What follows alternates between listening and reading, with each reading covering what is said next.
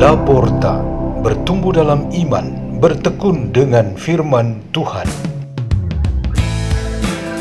Radio Laporta, pintu terbuka bagimu untuk pertumbuhan pengetahuan dan kebijaksanaan tentang Allah.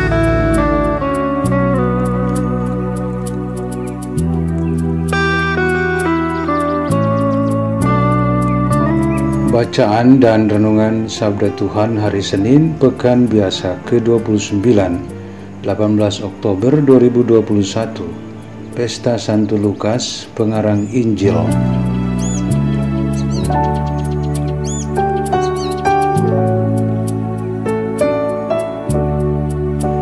Dibawakan oleh Pastor Peter Tukan SDP dari Komunitas Salesian di Labuan Bajo, Flores Barat dan Suster Maria Gabriela OSF dari Komunitas Santa Elizabeth, Semarang, Keuskupan Agung Semarang.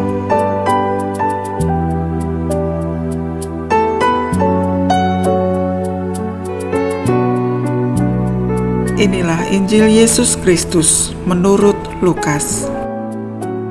Pada suatu hari, Tuhan menunjuk 70 murid lalu mengutus mereka berdua-dua mendahuluinya ke setiap kota dan tempat yang hendak dikunjunginya.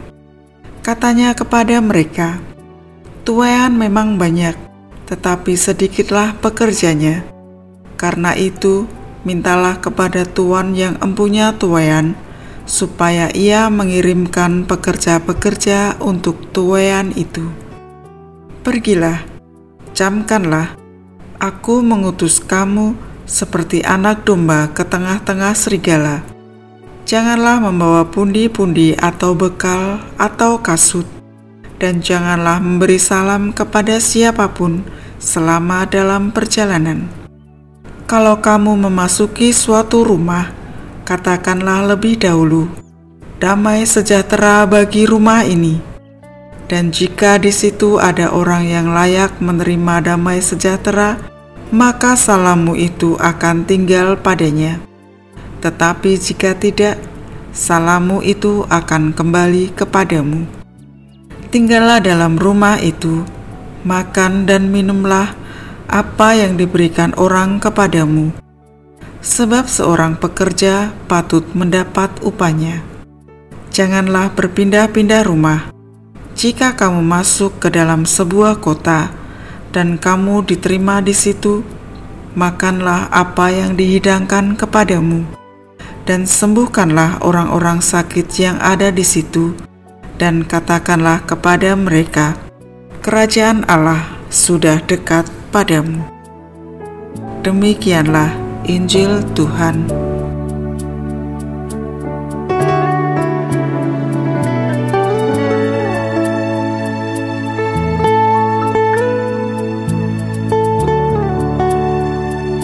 Renungan kita pada hari ini bertema Senang untuk tinggal.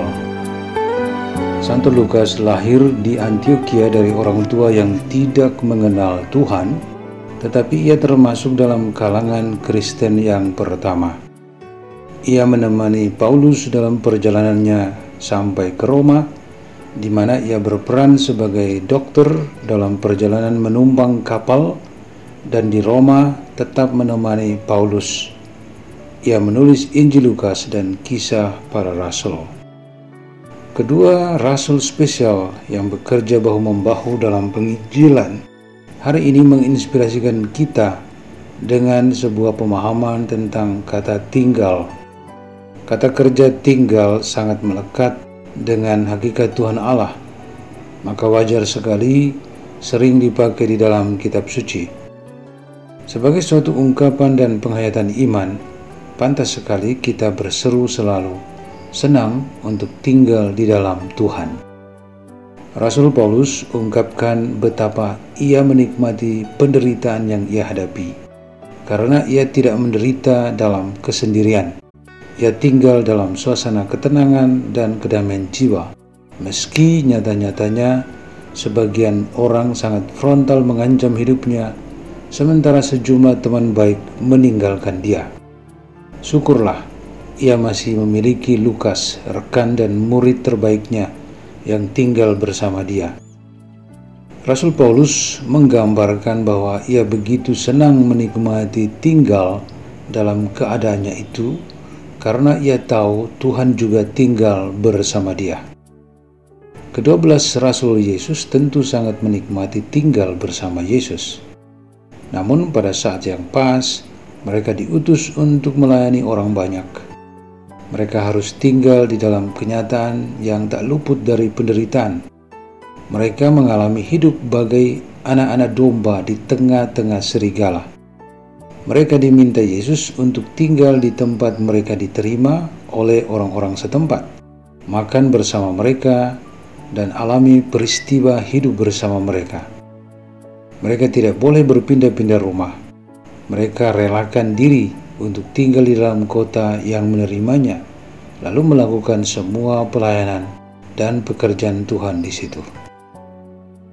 Hari ini kita mendapatkan suatu pelajaran berharga yaitu jika kita senang untuk tinggal di sini dan pada waktu ini dalam suatu tugas, pekerjaan atau pelayanan, itu yang lazim kita tahu sebagai rasa betah.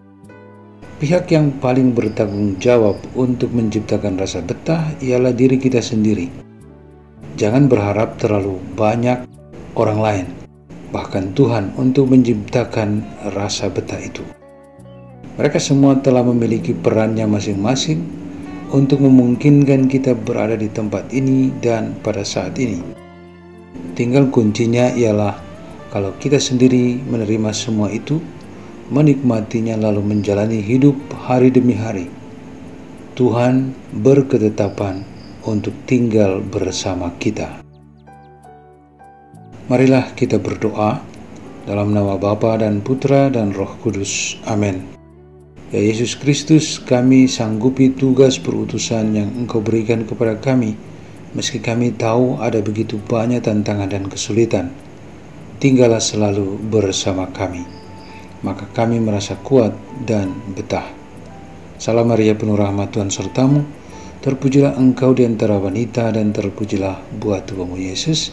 Santa Maria Bunda Allah, doakanlah kami yang berdosa ini, sekarang dan waktu kami mati. Amin. Dalam nama Bapa dan Putra dan Roh Kudus. Amin. Radio Laporta, pintu terbuka bagimu.